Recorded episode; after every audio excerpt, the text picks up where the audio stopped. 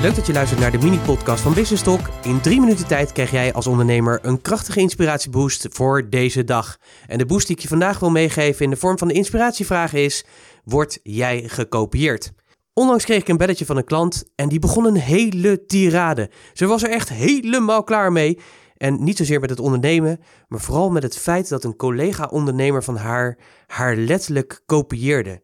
Ze zei: Als ik echt kijk naar de laatste 10 blogs die ik heb geschreven, dan heeft hij die gewoon letterlijk één op één overgenomen. Het zijn gewoon mijn teksten. Alleen een andere titel gebruikt, maar de inhoud is precies hetzelfde. En zo ging ze nog even door dat ze dat natuurlijk absoluut niet vol kunnen. En dat je zo niet met elkaar omgaat, et cetera, et cetera. Nou, vul hem zelf maar in. Denk maar eens na wat er zou gebeuren als jij in deze situatie zou staan. En dat is natuurlijk heel erg balen, dat begrijp ik natuurlijk ook wel. Alleen toen zij klaar was met de tirade of toen hij een beetje aan het afnemen was, toen begon ik op een gegeven moment te klappen. Echt te applaudisseren. En ja, daar raakte ze natuurlijk een beetje van in verwarring. Dus ze zei ook, ja, wat, wat, wat doe je nou eigenlijk? En toen zei ik, ik wil je eigenlijk heel erg feliciteren. Want vanaf vandaag, en eigenlijk dus al eerder, ben je officieel een leider in je markt. En natuurlijk is het niet leuk, maar anderen zien je dus zo blijkbaar dat wat jij doet, dat dat gewoon heel bijzonder is en heel goed is. En dat zij dat zelf niet kunnen en daardoor gaan ze je kopiëren. Ze gaan je letterlijk nadoen. Hè? Een beetje net zoals wat de Chinezen zeg maar doen. We kopen spullen op, uh, we maken het ons eigen en we produceren het veel goedkoper. Dat is wat je doet. Maar daarmee ben je wel een leider in je markt. Zo had ze natuurlijk nog helemaal niet naar gekeken, want ze was eigenlijk alleen maar gefrustreerd en boos dat die persoon op die manier met haar content aan de slag gaat. En natuurlijk is dat niet tof. Nogmaals, dat doe je gewoon natuurlijk ook niet.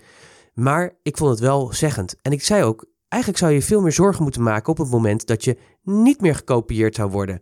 Dat eigenlijk niemand het belangrijk vindt. Kortom, je bent gewoon een leider. Hartelijk gefeliciteerd. Maar natuurlijk neem nog wel even actie, want ja, om het zomaar te laten gaan, dat moet je natuurlijk ook niet doen. Niet juridisch, maar ik zou de persoon gewoon even mailen of bellen, heb ik gezegd. En dat je de persoon bedankt voor het feit dat je hem of haar, hem was dit geval, zo inspireert. Maar dat het natuurlijk wel fijn zou zijn om voortaan bronvermelding te benoemen, zodat ook de rechtmakende eigenaar van de content daar ook echt zijn eer aan zijn werk van heeft. Nou, dat uh, zou ze doen. Uh, ze is het heel anders gaan framen. Ze kon er naar, naar kijken. Ze moest ook wel lachen uiteindelijk toen ze echt het anders had geframed. En dat vind ik ook wel weer mooi. Dus mijn vraag aan jou is: word jij gekopieerd? Ik hoop het voor je. Denk er eens over na en kijk eens hoe jij gekopieerd zou kunnen worden. Kou daar natuurlijk eens op en neem natuurlijk weer de eerste stap. En spreek ik je graag weer morgen. Tot morgen.